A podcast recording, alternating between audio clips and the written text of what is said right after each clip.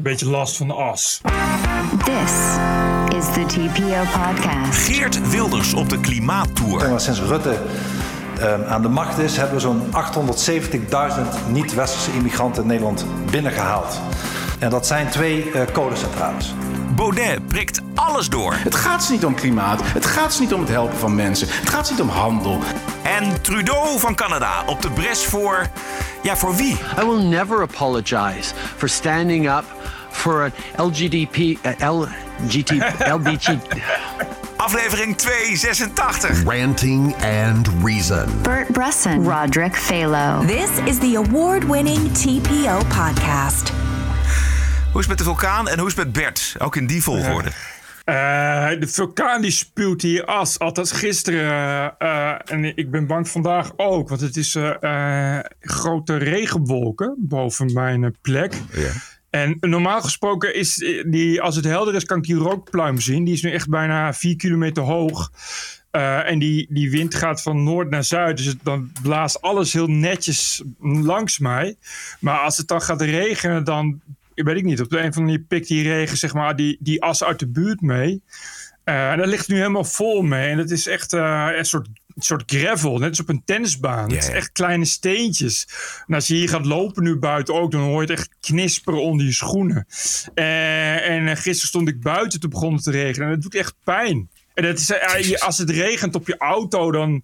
Ja, je wordt je auto gewoon eh, gezand. Ja, precies. Ja. Ja. Maar het is ook best wel giftig als je het inademt. Dus ik moet nu ook Zwavel. mijn kat... Mijn kat, die, die heb ik binnen. Ja. En die is boos al dagen, omdat die binnen is. En de hond, die eh, heeft niet zoveel last van. Maar dan moet ik de pootjes afvegen en zo. Maar het is, ik, ik- volgens mij is het zo dat... eh, echt in het zuiden en, en in de buurt bij Tazakort en zo... die mensen die in die buurt van die vulkaan wonen... die eh, hebben de hele dag ook echt... echt die as zit gewoon in de lucht. Ja. En dat is, volgens mij word je er echt knettergek van. Want het gaat overal in zitten. Ja. En je mag het niet inademen. En, het, en het, je machines gaan stuk. Ja, precies. Auto's. Soort- soort nachtmerrie scenario is Ja, het. ja. De deuren dicht, zodat wasmachines niet vastlopen en zo. Dat het Ja, daar ja, niet in dat. terecht komt. Ja. Beetje, hoe heet het? eh, een beetje dusbol-achtige achtige praktijken. Ja. En hij doet het dus nog steeds. Ja, het gaat eh, nog steeds. Dus die flink bezig. Volgens mij Oh, eh, af en toe. Ik kan het nog. eh, gisteren hoorde nog een rommelen. En dan is weer zo'n nieuwe explosie. En die druk die schijnt er niet echt helemaal erg af te nemen. Ook de grond komt nog wel een beetje omhoog. Ja. Dus ze doen er wel even voordat die druk eruit is. Ja. Maar die lava die is wel erg bijna helemaal opgehouden. Die, eh, het is toch maar de vraag of die überhaupt ooit zee nog gaat bereiken. Ah, Oké, dus wa- wat, wat, er, wat die spuugt is as en gruis, Ja, maar geen gas. lava meer. Jawel, maar de- dat, is heel, dat is dan heel weinig. En wat er Ja. dan nu uitkomt, zijn dat ze gewoon hete gassen. En, eh, en dat soort dingen. Dat is gewoon die druk die eronder zit. Eh, en die lava, die, die, die zit nu een beetje in Todok. Dat is zo'n stadje daar. Die wordt nu heel lang. Het gaat dan twee meter per uur of zo.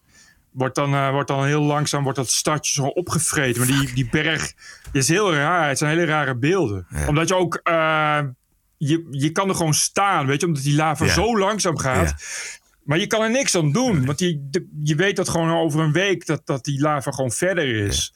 En die duwt gewoon alles, alles om. Eh, maar die lavaheuvel is nu echt, echt op, op sommige plekken 15 meter hoog of zo. Ik eh, zag een filmpje en daar hoorde je de vulkaan ook, waar, waar jij het net over had. Even een klein stukje Ja. luisteren. Is dit.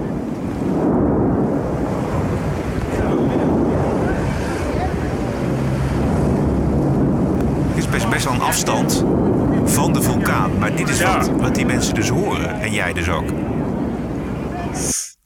Ja, als ik hier een stukje de berg kan ik het, dan hoor ik dit inderdaad. Dat, dat- van, van, dat, van dat zachte geruis. Ja. Een, beetje, een, een beetje geluid wat je verwacht bij een hele grote oven. Weet je dat?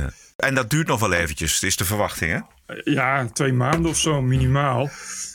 Maar ja, het gaat er echt. Het wordt wel echt een. eh ja, een puinhoop. Je kan, ik las dat het gewoon jaren duurt voordat het een beetje gestold is. En dan tot die tijd kun je er helemaal niks mee. Dus dan. dan eh, en die wegen zijn ook weg. Dus, dus nu. Het, het- iedereen moet omrijden. Maar je, hebt hier maar één, zeg maar één grote weg. Ja.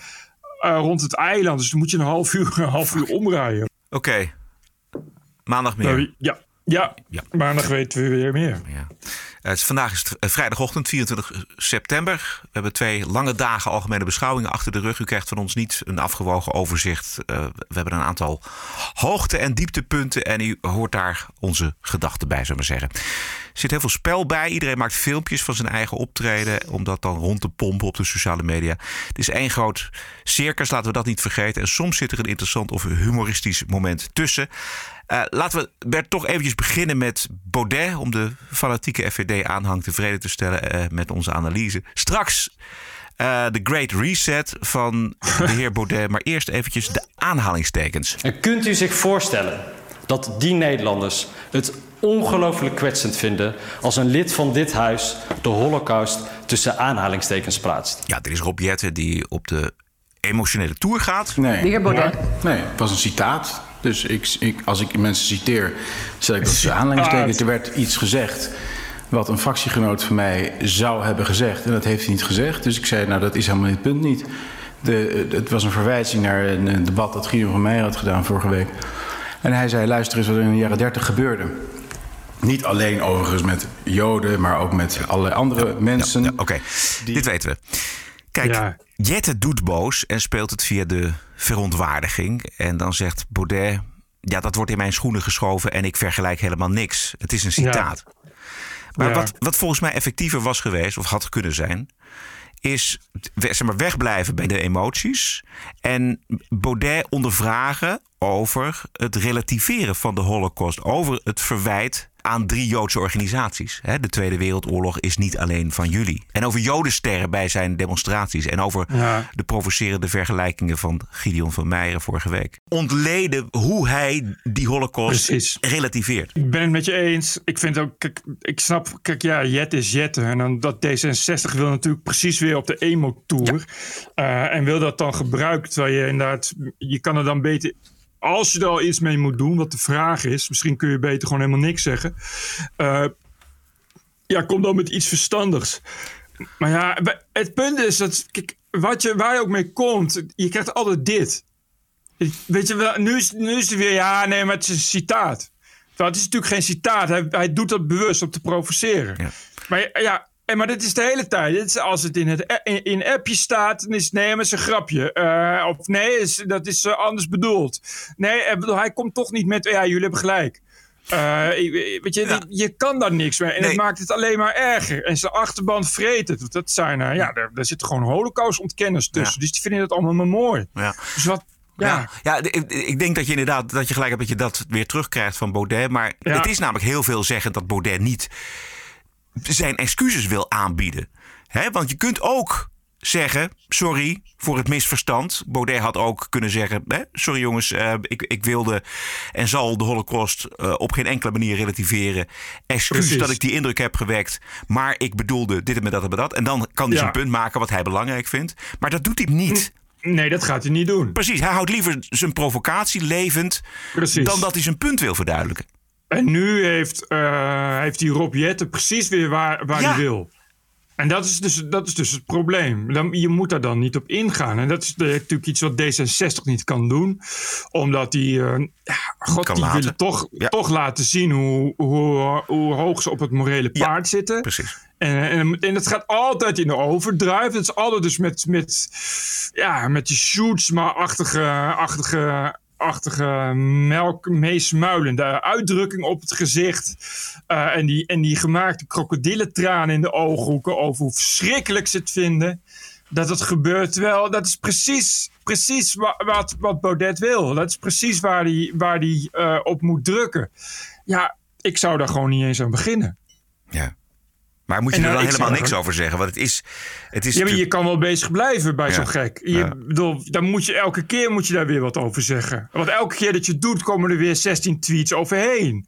Maar weet je, je kan er nu op wachten dat morgen wordt Auschwitz tussen aanhalingstekens gezet. Ja. Het enige wat hij heeft is dit. Het enige manier waarop hij podium kan krijgen is door dit soort ophef te genereren. Ja. En die wordt hem dan telkens gegeven door dit soort mensen. En wat je dan vervolgens krijgt is dus, is dus ja, een van de. Ja, ik weet het niet. Ik heb het niet meer. Ik ben na twee minuten gestopt. Maar het is 23 minuten aan, aan krankzinnige complotgelul. Waar echt, waar echt geen touw aan vast te knopen is. Even een heel klein stukje daaruit. Voordat we het zinvol over de beleidskeuzes die in deze begroting worden gemaakt kunnen hebben. Moeten we dus begrijpen wat de achtergrond daarvan is. De Great Reset. Daarom luisteren ze ook helemaal niet naar onze argumenten. Het interesseert ze niet. Want het gaat helemaal niet om argumenten. Het gaat om een hele andere agenda die hier achter schuil gaat. Het is allemaal schijn. We zitten in de grot van Plato. We kijken naar de voorstellingen. Het gaat helemaal niet om. Het gaat ze niet om klimaat. Het gaat ze niet om het helpen van mensen. Het gaat ze niet om handel. Het gaat ze niet om volksgezondheid. Het is een hele andere agenda. Ja, maar hoe moet je hier nog op reageren nee, dan? het is ook heel lastig. Maar dit- je je, je Ja. alleen maar zeggen, ja goed, dit is iets wat je moet geloven. Weet je wel? Dit, dit- dit is, het, hier heeft zelfs Baudet geen bewijzen voor. Het, je moet het geloven. Ik denk eerder dat Nederlandse politici zich laten overvallen door de werkelijkheid... dan dat ze voorsorteren op een nieuwe werkelijkheid. Hoe bedoel je dat? Nou, eh, Baudet suggereert dat dit allemaal een vooropgezet plan is. Weet je wel? Het gaat Ja, ze niet ja. daarom, het gaat ze niet daarom. Het gaat om de controle van de mens. Ja, ik zie de afgelopen 10, 20, 30 jaar Nederlandse politici die zich laten overvallen door wat er op hun pad komt, dan dat ze nadenken over. Over twee jaar, of over drie jaar, of over tien jaar, of laat staan over Oh, vijftien ja, ja, jaar. nee. Dan moet het zo en zo geregeld zijn. Nee, precies. Dat is, het, is, eh, het hele idee dat er een complot achter Ja. zit is al bizar. Dit is de- alsof Nederland dat ooit zou kunnen uitvoeren. Ik, Nee. eh, Nee. of, of Europa. Je- Nee. ja, het is dat- Europa, precies. alleen- Alsof Europa dat Ja. voor elkaar krijgt. Europa krijgt niet voor dat? elkaar. Het kost Europa 15 jaar om een universeel eh eh, telefoonstekkertje bij Ja. elkaar te vergaderen. Dus laat staan eh, dat daar een eh, wereldomvattend complot met een geheime agenda. Maar de- ik, hij klaagt dan vervolgens dat, eh, dat Rutte en de jongen eh, hem negeren. Ja, ik, ik bedoel. Je, zelfs als je al begint met luisteren, raak je na twee minuten al, al, al helemaal in een soort. soort beetje gewoon, ik, beetje gewoon, what the fuck, ik, wat gebeurt hier? Dus wat moet Ja. je daar dan mee? Je kan daar toch niet serieus naar gaan luisteren? hè? Je hebt wel, ja, ze hebben er wel wat beters te doen. Bijvoorbeeld op je telefoon kijken, dat zou ik ook doen. Ja, ik, ik snap wel dat mensen zeggen, het is wel heel asociaal van Hugo de Jonge om zijn rug naar Baudet toe te keren. Maar tegelijkertijd begrijp ik het ook wel. Het is wel een beetje tot hier en niet verder. Hij heeft het recht om daar te staan. Hij is gekozen. Oké, en, en je kan hem ook niet verbieden daar te staan. Prima. En je moet hem de ruimte geven om zijn verhaal te doen. Oké. Ja, daar houdt het wel mee op. Je moet, ik vind wel dat je mag, zeker als, als iemand als de jongen, dat je ook mag laten zien. eh, De vrijheid van meningsuiting betekent niet dat ik de plicht heb om te Nee, luisteren. dat is waar. Ik vond het wel een beetje provocerend, moet ik zeggen. Want het is natuurlijk ook, hij is ook Ja, de minister van tuurlijk. Baudet. Dus eh, het, had wel iets minder eh, eh, opzichtig gemogen. Maar je hoeft inderdaad niet per se te luisteren. Ehm, het ging ook over klimaat en het ging over eh, migratie. De toestroom gaat hard. Opvangcentra zitten al vol. Er moet noodopvang gebouwd worden. En immigratie op lange termijn is natuurlijk verantwoordelijk.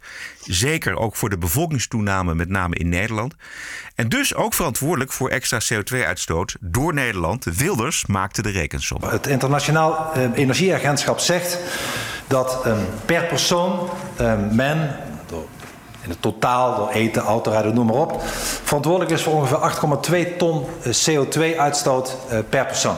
Nou hebben we, als u kijkt naar de immigratie, hebben wij de afgelopen 10 jaar, zeg maar sinds Rutte eh, aan de macht is, hebben we zo'n 870.000 niet-westerse immigranten in Nederland binnengehaald. En als je dat maal die eh, 8,2 ton doet, dan kom je op ongeveer 7,4 eh, megaton uitstoot. En dat zijn twee kolencentrales.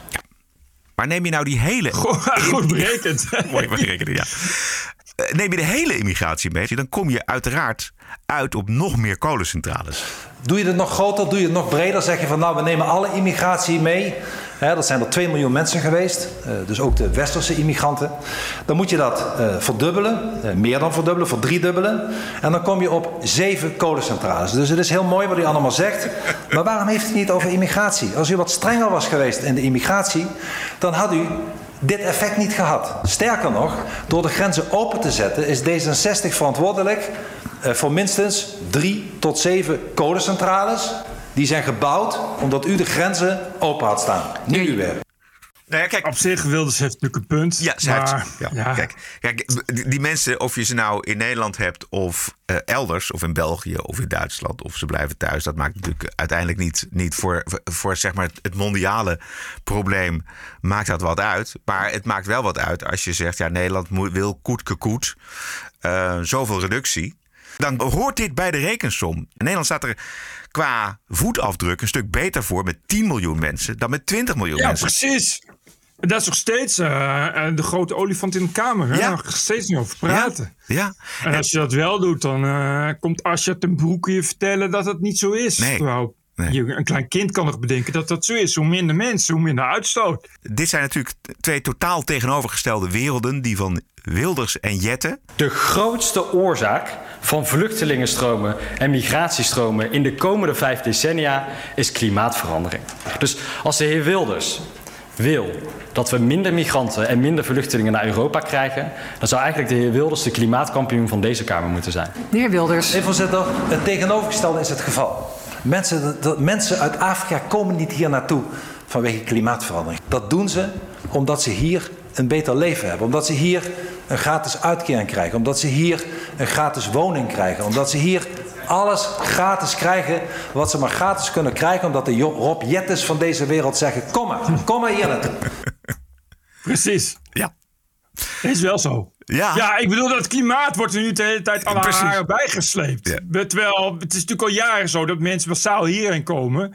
En nu is dat ineens, ja, nee, dat is uh, klimaatverandering. Wat Ja. volgens mij alleen te maken heeft met de toekomst. Dat in de toekomst nog meer mensen hierheen gaan. Niet zoals Rob Jetten zegt, dat het uh, door klimaat... Het is niet zo dat als je het klimaat in Afrika verbetert... dat er dan ineens geen mensen hierheen komen. Dat slaat natuurlijk helemaal nergens op. Nee, precies. En als je weet, laten we- laten we even de rekensom doorrekenen, dat Nederland maar voor 0,00003 bijdraagt aan de opwarming van de aarde.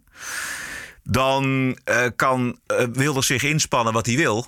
Maar hij gaat er met zeg maar, de maatregelen in Nederland die eh, immigratie niet tegenhouden. Als het al eh, klimaatvluchtelingen zijn. Dit eh, lijkt mij dus ook. Maar Rob Jetten moet Wilders wel in de kern gelijk geven. Luister maar. De heer Jette. Ja, voorzitter.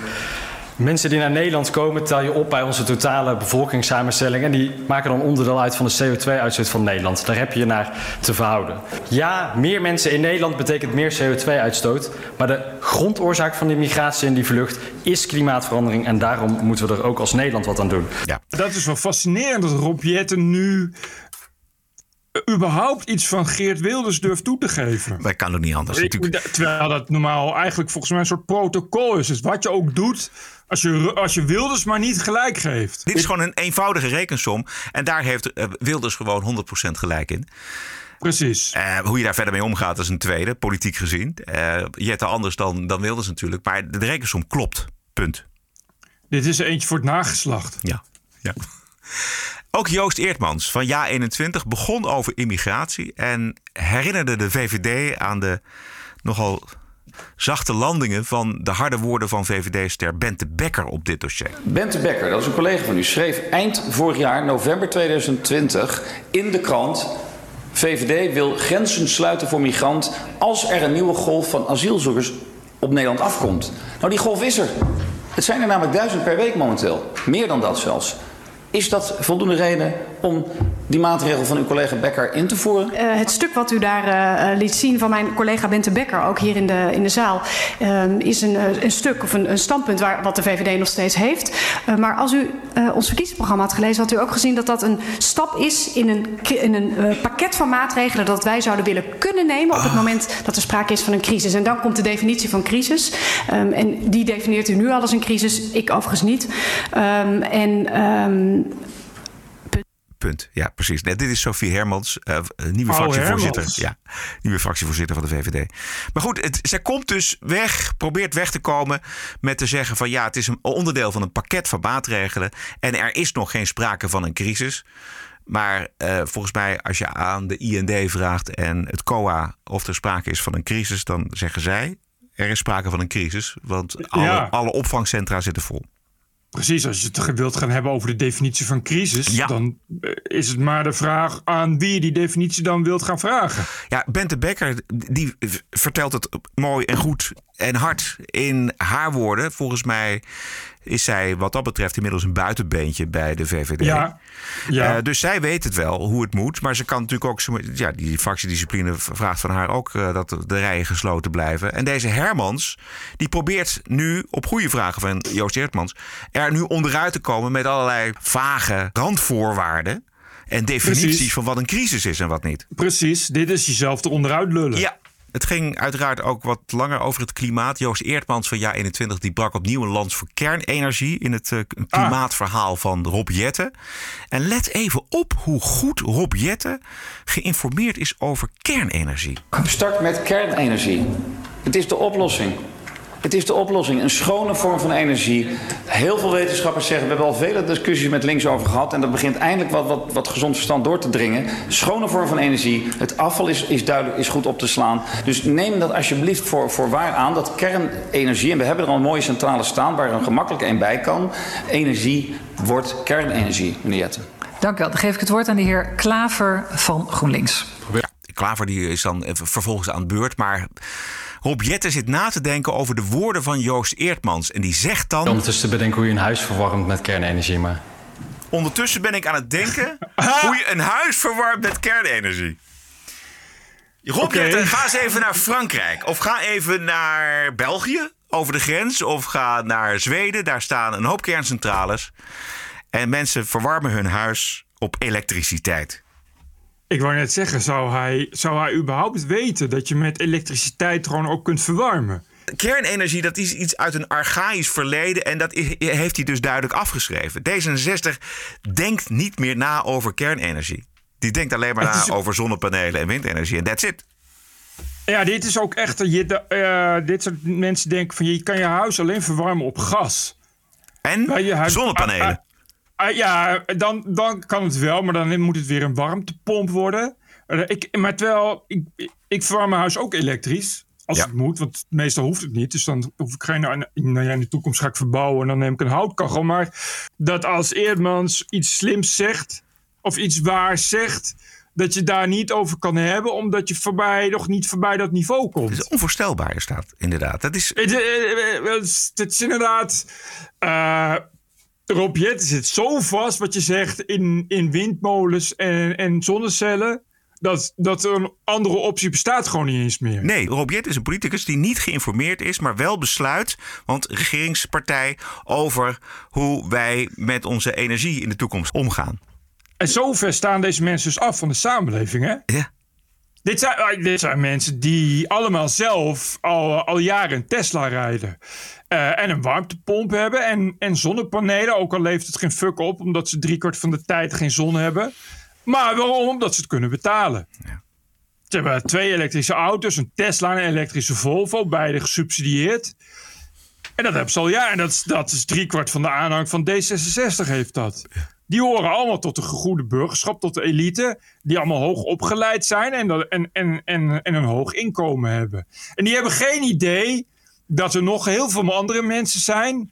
die werkelijk nog nooit gedacht hebben over een elektrische auto. Omdat ze dat al doen. Dat ze al denken: maar hoe moet ik dan mijn hypotheek betalen? En mijn kinderen en het voer van mijn hond. Maar Rob Jetten en, en, en, en co. hebben geen flauw idee hoeveel mensen dat zijn. Dat, is, dat horen we zo meteen in de Wokweek, waar we zo meteen naartoe gaan. Maar daar heeft een Duitse politica een mooi woord voor. Dat, zij noemt dat de zelfgenoegzamen. Daar is hij, en sowieso heel D66 natuurlijk, een mooie afgezant van. Van de zelfgenoegzamen.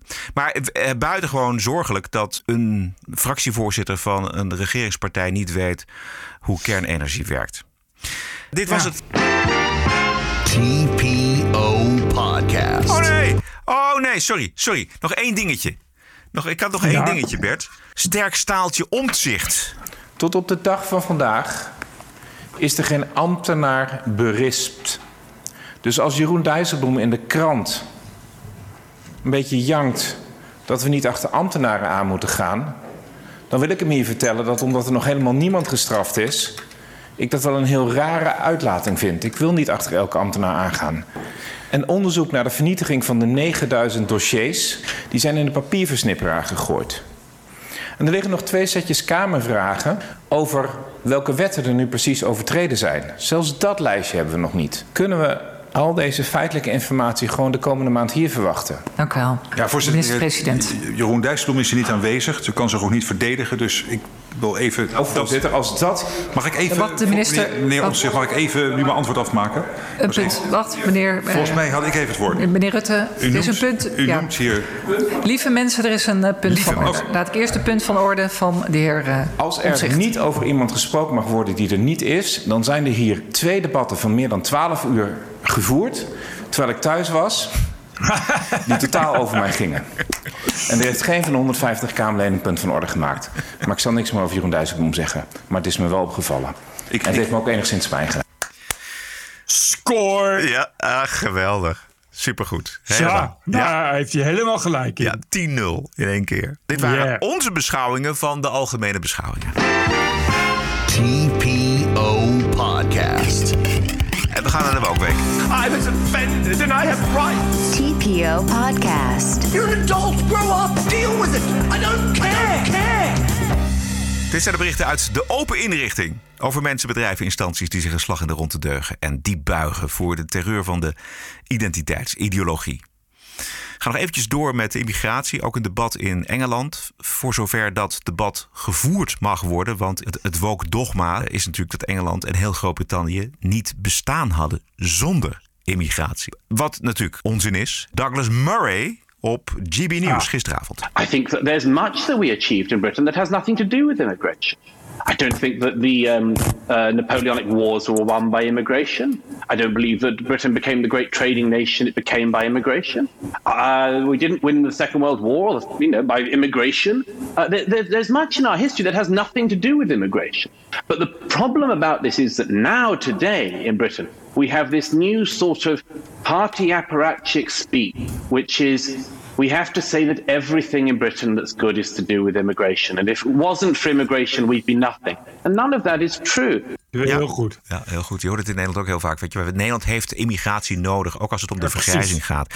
Er zijn al eindeloos veel rekensommen gemaakt dat eh, je juist voor vergrijzing helemaal niet die immigratie nodig hebt. Want daarbij wordt even buiten beschouwing gelaten dat de immigranten ook weer oud worden en grijs worden. En ook weer Ja. eh, betaald moeten worden met eh, pensioengelden, et cetera. Inderdaad, echt zo'n echt zo'n dogma. Ja, dat, dogma. dat dan helemaal terug gaat echt tot het bestaan van de mens. Dat mensen zich hebben vermengd. En hoe belangrijk dat was. Terwijl je, je kan dan niet per se aan de historie eh, ontlenen dat het nu ook heel goed is. Nee. Je, het een, een soort van rare, een rare constructie die je dan krijgt. Ja, het, is, het is het goed praten van, of het is het enthousiasmeren voor meer immigratie. Dat is het, het, het, zeg maar, het, het linksliberale verhaal. Enerzijds grote bedrijven die goedkope arbeidskrachten willen. Anderzijds de, de deugdpolitici die zeggen van het is alleen maar fantastisch. Het wordt alleen maar geweldiger met een eh, multiculturele samenleving. Precies, het is een soort, soort ja, krijg je, krijg je, krijg je weer, weer een opinieartikel van Leo Lucassen. Ja, die zegt dat dat het in 1723 was het ook fantastisch in Nederland. Eh, en, en, eh, en weet je, dus terwijl, ja, ik denk van ja, het is allemaal leuk en aardig, maar je kan toch niet zeggen dat het dan, dat het dan dus nu ook goed is. Dan krijg je, weet je, ja, Groot-Brittannië bestaat bij de gratie van immigratie. Net als, net als, net als New York. Ik denk, ja, oké, maar dat, dat zegt dus niks over nu. De uitetencultuur van de liberale, linksliberale elite eh, bestaat bij de gratie van immigratie. Want die vinden het allemaal Ja, fantastisch precies. om in een van die gezellige eh, Ethiopische restaurants te gaan zitten. Oh, dan krijg je dat, ja, dan krijg je jou. Het is toch heel goed dat, er dat, je, dat er kebab is. Ja. Is dat lekker? Is Chinese leuk? Restaurants dan. Ja. Je kan ook zeggen dat eh, toch echt, zeg maar, de westerse verlichte Europese eh, ideologie is die veel heeft betekend. Ja. En dat daarna dan de immigratie kwam, omdat het hier een westers-Europees verlichte democratie was. Ja. Of democratie, maar voor zover mogelijk. Ja. De nieuwswebsite Vice is met een soort van cancel Oh. suggestie bezig richting de Britse minister voor gelijkheid. En eh, die hebben ze daar. En dat is een, een zwarte vrouw. Ze heet Kemi Badenoch. En het grappige is dat eh, de Britten dus een minister voor gelijkheid hebben. Dat het een zwarte vrouw is en die de impact van het kolonialisme op het heden verwaarloosbaar vindt. En niets moet hebben van eh, zwarte bekende Britten die zich hullen in eh, zeg maar de slachtofferpyjama. Dat is natuurlijk niet de bedoeling. Nee, dat is helemaal niet de bedoeling. Vice had al eerder zogenaamd gelekte opnames van deze mevrouw. Waarin zij uh, same-sex huwelijken ter discussie stelt en transvrouwen mannen noemt. Dus dat, dat, was al, dat was al heel erg ernstig.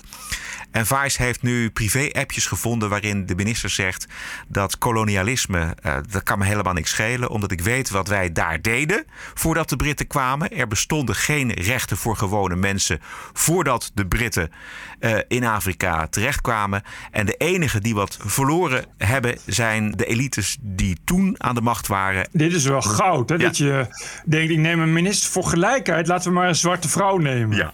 Ja. En dan krijg je een soort, ja, een soort, soort Boris Johnson keer 3. Ja. Doet een, een oproep om, de, om de zoveel mogelijk te cancelen? Of nou, dit is al het tweede artikel over haar. En ik denk Oh, dat oké. Vice hoopt op een schandaal rond deze zwarte minister. Het gaat Ja, eh, ja. ja, de progressieve groegemeente. Nadrukkelijk dus niet om ras, maar om voldoende deugen. Een krachtige zwarte vrouw die het racisme in de samenleving echt aanpakt. I want to speak about a dangerous trend in race relations that has come far too close to home to my life, and it is the promotion of critical race theory, an ideology that sees my blackness as victimhood and their whiteness as oppression. I want to be absolutely clear this government stands unequivocally against critical race theory. We do not want to see teachers teaching their white pupils about white privilege and inherited racial guilt. And let me be clear any school which teaches these elements of critical race theory as fact or which promotes partisan political views such as defunding the police without offering a balanced treatment of opposing views is breaking the law. Dat heb je nodig en ik ben blij te horen dat dit nou eindelijk een keer eh, aan het ontstaan is. Ja. Ja, want, dit is, want dit is gewoon een, een Britse minister. Ja, dit is een Britse minister. Kijk, dit is dus heel belangrijk. Het is natuurlijk zo. Kijk, die, deze mevrouw is minister geworden. Dat is niet voor niets geworden. Daar heeft ze heel hard voor gewerkt. Eh, net als alle andere ministers. Dus eh, die heeft er gewoon eh, een studie gevolgd. En eh, jarenlang gewerkt. En een cv. En, eh, en is binnen de partij opgeklommen. En weet ik veel wat. En is slim genoeg om dat te doen. Dus ja, dan krijg je dat die mensen gaan zeggen. Oké, eh, ik zal eens even, even, even vertellen. Ik ben hier gekomen. eh, net als jullie. Precies op dezelfde wijze als blanke mannen dat doen. En dat heb ik helemaal aan mezelf te danken. En dat, dat ging, eh, ging allemaal prima. Want het resultaat staat hier voor jullie. Eh, en ik voel me eigenlijk een beetje, een beetje vernederd. Dat ik telkens als het om een zwarte vrouw gaat. Dat mensen dan zeggen. Want dat is natuurlijk, natuurlijk eh, een, beetje, een beetje wat er gebeurt. Oh, een zwarte vrouw. Die zal dan wel gaan jammeren over dat ze slachtoffer is. Van seksisme en van kolonialisme en van racisme. Terwijl is dat het levende bewijs voor jullie dat dat gewoon prima kan. Exact. Op eigen willen. kracht. En misschien moet je inderdaad in deze samenleving eh, soms wat harder lopen. Maar eh, kom niet aan met het slavernijverleden als excuus voor je eigen falen. Dat is wat zij zegt. Het doet mij ook elke keer denken aan eh, dat je als je in een rolstoel zit. Elke keer dat je bij de slager komt, dat de slager zegt: willen jongen in een rolstoel ook een plakje borst? Terwijl, weet je, dat je, terwijl je denkt: Nou, slager, ik zit wel in een rolstoel, maar ik ben niet debiel. Eh, en, maar je wordt dan wel zo behandeld. Exact. Want, Beha- want, eh, Overal waar dan mensen komen, gaan ze zonder te vragen, gaan ze in een rolstoel duwen. Of ze gaan, eh, gaan voor je aan de kant terwijl je dat niet wil. Of ze gaan heel raar tegen je praten. You name it. Ik denk dat er geen enkele eh, gehandicapte is die dat niet meemaakt. Laat ik het zo zeggen. Want dat is hoe het gaat. Mensen willen nou eenmaal graag deugen. En soms ook uit goede bedoelingen. Soms zijn ze er gewoon te dom voor. En zo voel je je dan ook. Als, je, als je zwart bent. In, of als je Pakistan bent. Of weet ik veel wat. Weet je dat mensen dan elke keer gaan dan heel raar tegen je doen. Dat ze zeggen van, eh, ben je al, eh, heb, je, heb je al een baantje? Terwijl je denkt, nou, ik ben minister. Ik weet niet wat jouw baan is, maar dat zal wel geen minister zijn, is het wel? Een frontale aanval op Woke vanuit de linkerhoek. De leider van Die Linke, Sarah Wagenknecht. Ja, dat is wel de linkerhoek. Die linker eh, is, is eh, de SP. Ja. De, de, linker, de linker is net als de SP heel breed natuurlijk. Hè? Dus er zitten ook mensen zoals zij die, die eh, iets meer aan de, aan de rechterkant zitten. Alhoewel ze niet alle, overal in de rechterkant zitten. Maar, maar dus die linker is ook nog een groot gedeelte, of een groot gedeelte, een gedeelte echt communistisch. Die echt een standbeeld van Lenin in de tuin zetten. Eh, wat je in Nederland niet zo hebt. Dus je kan die vergelijking met de SP niet maken. Het is wel eh, ja, de, de, het meest linkse wat Duitsland heeft. Ja, exact. En daarin, in die partij, zeker bij haar, vind je toch ook de anti-woke houding. He, zij zegt, uh, het conservatisme van de Duitse gewone man en vrouw is niet per se seksistisch of racistisch maar een uiting van respect voor overgeleverde tradities. Nou, dat is natuurlijk vloeken in de kerk. En in haar boek, volgend jaar Nederlandse vertaling, De Zelfgenoegzamen, rekent zij af met die links-liberale elite die zich hult in een links levensgevoel en vooral bezig is met het etaleren van de eigen progressieve deugdzaamheid. Juist. Nee, ja, zij zegt hele slimme dingen. Ze zegt van kijk, als links de macht had willen behouden, als links de kiezers had willen behouden, hadden ze juist uh, uh, dit, is wat, dit is wat arbeiders doen. Dan had je uh, wat nu het rechtse discours is. Dat had je moeten vasthouden. Je had de identiteitspolitiek zo hard mogelijk moeten verwerk, verwerpen. Juist. de multiculturele samenleving had je moeten bekritiseren. en, en tradities, hè, dat zegt ze dus ook. Van, je moet die tradities niet aanvallen. Die tradities zijn juist heel erg belangrijk. Die moet je juist koesteren. Die, ik denk dat als in Nederland uh, de PvdA had juist in de Zwarte Piet discussie voor Zwarte Piet moeten zijn. Ja. Het klinkt, heel, het klinkt heel raar, maar de mensen die het hardst ageren tegen het afschaffen van, van Zwarte Piet, en dat zijn hè, de tokkies die een Zwarte Piet tatoeage laten zetten, dat zijn de mensen aan de onderkant van de samenleving. Dat zijn de arbeiders. Ja. Dat zijn de mensen die de PvdA had moeten vertegenwoordigen. Dat is waar links voor had moeten staan. En ze is ongelooflijk uh, krachtige, krachtige persoon. Ik heb gisteravond even een paar fragmenten van haar zitten kijken. Oh.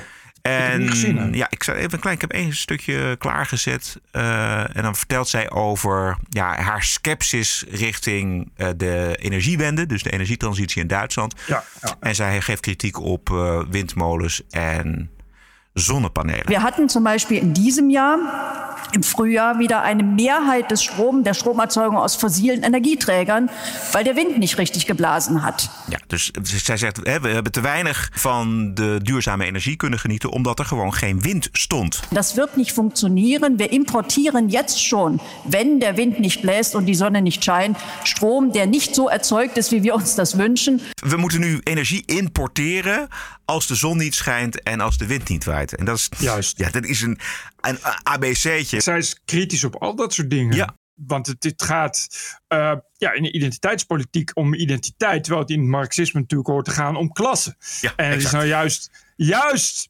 de klasse die, die het nu overneemt. Hè, dus, dus de globalistische uh, uh, eliteklasse die de arbeidersklasse onderdrukt. En steeds verder wegduwt, steeds verder in de marge duwt. En daar zit ook die identiteitspolitiek in. Daar heeft ze het ook over in dat interview met Engelen. Uh, uh, dus inderdaad, gesubsidieerd een Tesla kunnen rijden. Uh, en, en wel zonnepanelen en een warmtepomp kunnen kopen, omdat ze het kunnen betalen. Uh, en voor die mensen werkt de energiewende uitstekend. En voor die mensen is natuurlijk uh, het klimaatbeleid uitstekend. Maar in die arbeidersklasse niet. En daar wordt geen rekening mee gehouden, waardoor uh, eigenlijk links dus inderdaad op het verkeerde spoor zit. In elk Ja. geval het, het socialistische links. Maar dat zie je ook in Nederland. Hè? Ja. Kijk, de SP is ook altijd voorstander geweest van, van, van segregatie in wijken. Die ze hebben ook altijd gezegd van je, je moet oppassen met, oppassen met, de, met de islam. Je moet oppassen met de multiculturele samenleving. Want dat gaat niet samen. Ik bedoel, eh, Ronald van Raak is natuurlijk het evenbeeld van deze mevrouw. Hè, iemand, die, iemand die juist bekritiseert wat, wat die zelf benoemde eh, linkse elite zo geweldig vindt.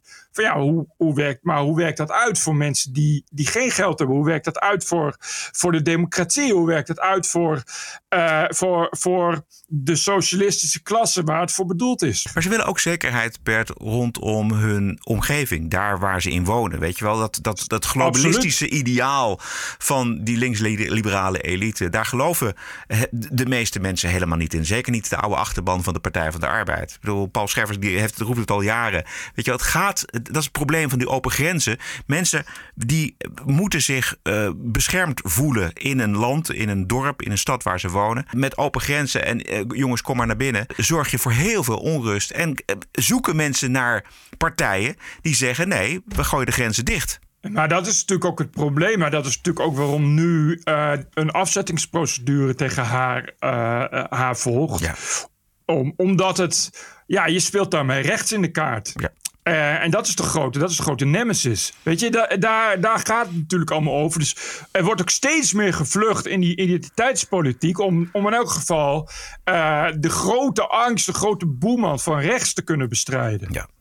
Als we nou maar samen vluchten in de identiteitspolitiek, kunnen we in elk geval zijn we in elk geval niet rechts. Ja, precies. Ja, dat, is, dat is wat Mm. Jolande Sap toen zei. Oh, Eh, wel, wel de verkiezingen verliezen, maar we hebben het populisme verslagen.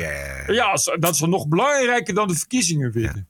Om met de woorden van de grote filosoof en denker Donald Trump te spreken. Everything woke turns to shit. Zo is het. En zo Waarheden. is het. Eh, dit was de Wokweek?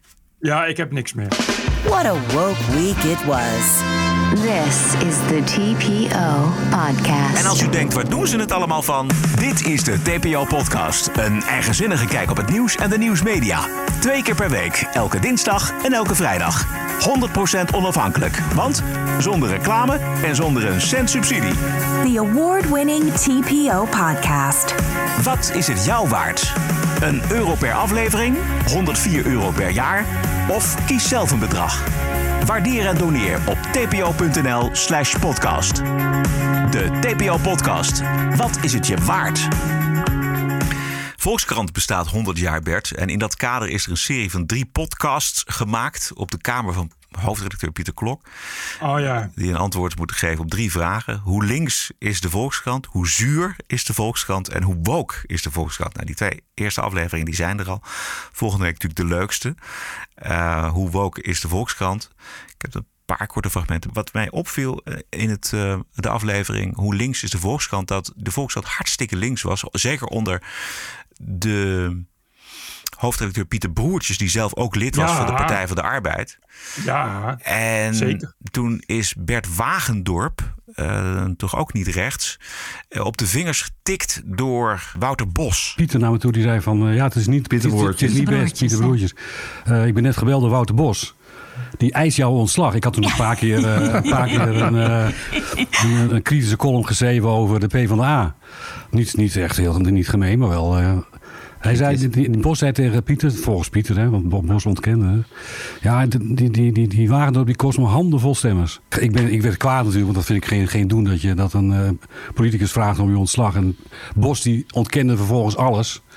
Hier was geen sprake van, maar toch, ik heb toch de neiging om te geloven wat Pieter vertelt. Want die kwam echt ondaan naar me toe. Die was lid van de PvdA ook, hè? Over cancel culture gesproken. Ja. Ongelooflijk. Maar oh, dat is niks nieuws binnen de PvdA geleden. Dat is echt, eh, eh, als, er, als er iets is wat, wat je, da- maar als je het echt hebt over regentenmentaliteit, dan is het dus dit. en dat is altijd zo geweest binnen de PvdA. Eh, ik weet nog dat destijds bij eh, de VARA-gids... Ja, heb Die, jij gewerkt? ja, heb ik ook nog eens voor geschreven. Maar die hadden ook, eh, ook, ook zoiets. eh, Marcel van Dam, de oud-VARA-voorzitter. En natuurlijk een, ook, een, ook een typisch PvdA, oud PvdA. Staatssecretaris of minister is die geweest, een van die twee. Eh in elk geval voor de PvdA. Dat ging ook, die belde gewoon dan met de hoofdredacteur. Als er iets in stond waar hij het niet mee eens was.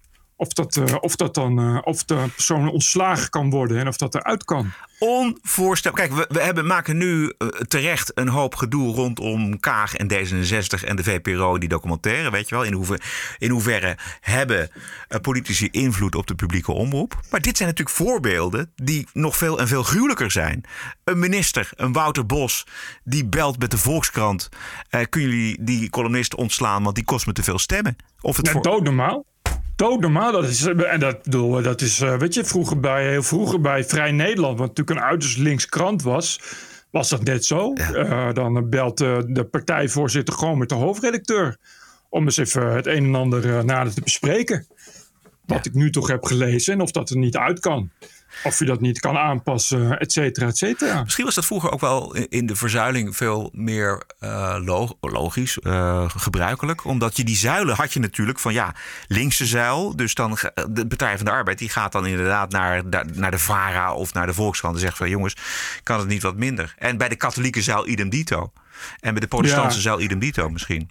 Maar het is, wel, het is wel echt ook, overigens moet ik erbij zeggen, eh, inderdaad typisch iets van regentenpolitiek. Ja. Want rechts deed het ook wel. Weet je, het is natuurlijk wel iets wat, wat dan in die tijd een beetje zo was. Dat je, dat je zegt, nou, als ik, als ik minister ben of fractieleider, dan uh, kan ik ook wel een beetje de pers naar mijn hand proberen te zetten. Ja. Wat mij ook opviel was dat er toch ook een soort van minderwaardigheidsgevoel heel lang bij de Volkskrant geleefd heeft. Uh, terwijl wij vaak denken van wat een arrogante linkse krant dat is. Maar dat valt nogal mee. Ze keken vooral heel erg op tegen NRC Handelsblad. We hebben altijd opgekeken tegen de NRC. Ja, maar, dat is waar. Dat, dat meer, altijd een minderwaardigheidscomplex nou, tegenover de NRC geweest. nog niet meer. Nou, ja, ja, ja ik denk dat Klok er vanaf is. Maar Broertjes had daar enorm veel last van. van de hele tijd was het ook... Oh, had de NRC dat? Waarom hadden wij dat niet? En oh, ga je naar de NRC? Het ergste wat je kon doen was naar de NRC gaan. Ja, dit is uh, Sheila Sitalsing, columnist uh -huh, van Volkskrant. Uh -huh. Ja, ik begrijp het wel.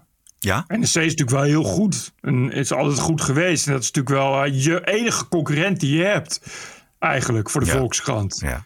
Want de mensen die AD en Telegraaf lezen, die worden toch geen Volkskrant abonnee. Of die kopen toch geen Volkskrant. Nee, ja. Ja. En je zit natuurlijk met je scoops, dus zit je natuurlijk ook, uh, ook daarop, uh, daarop te jagen.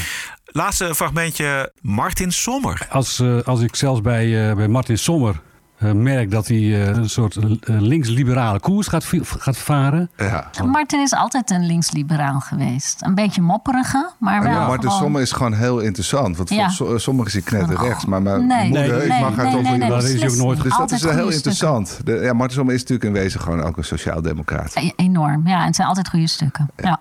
Hij schrijft prachtig. Dat is wel eens anders geweest voor Martin Sommer.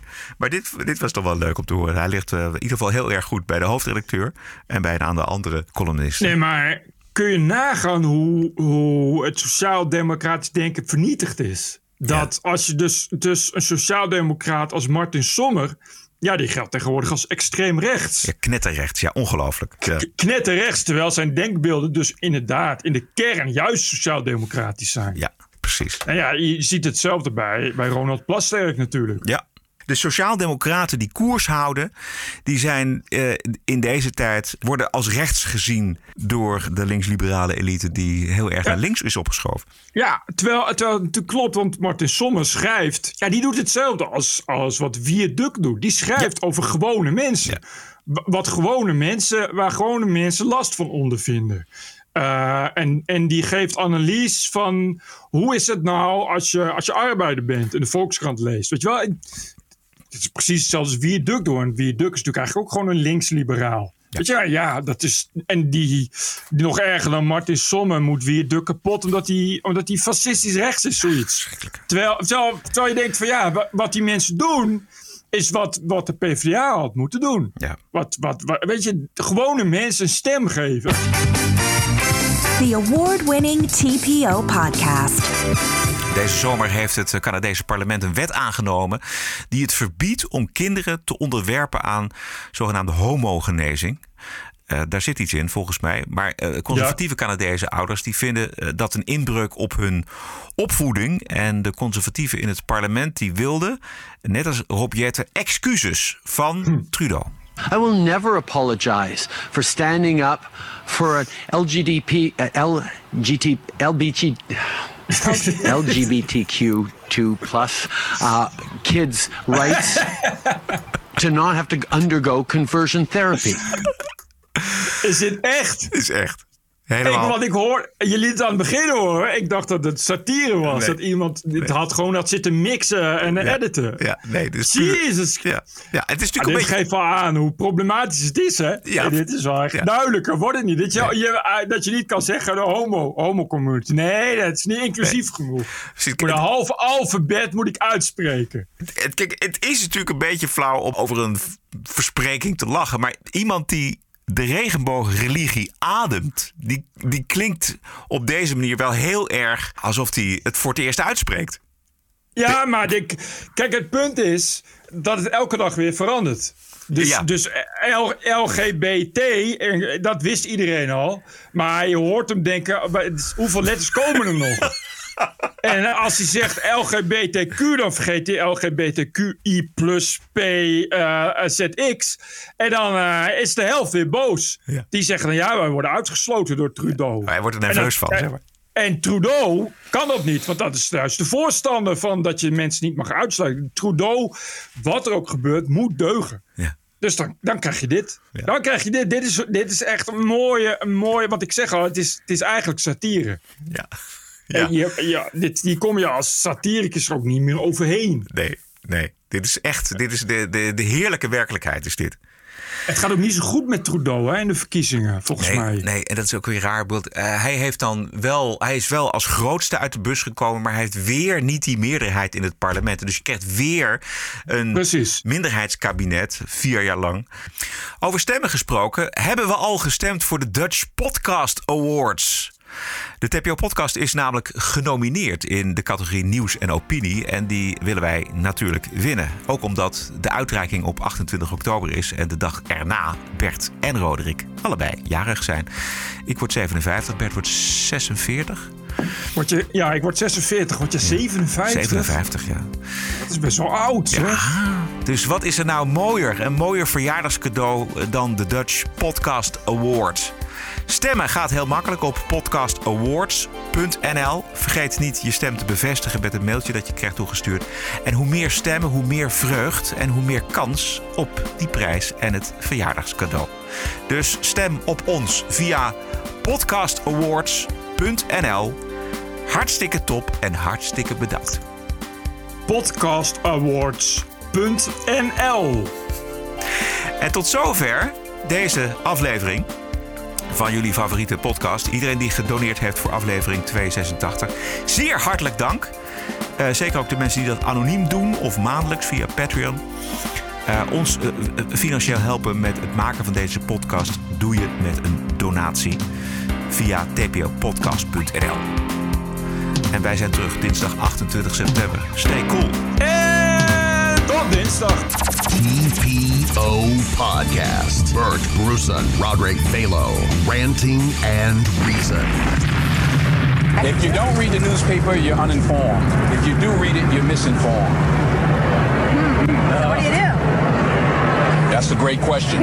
what is the long term effect of too much information? One of the effects is the need to be first, not even to be true anymore. So, what a responsibility you all have to be to tell the truth, not just to be first, but to tell the truth. We live in a society now where it's just first. Who cares? Get it out there. We don't care who it hurts. We don't care who we destroy. We don't care if it's true. Just say it. Sell it. Anything you practice, you'll get good at, include, including BS. Podcasting is the TPO podcast in the Netherlands. Bert and Roderick. What a show. I'm telling you. Keep the show running. Go to tpo.nl slash podcast. Thank you.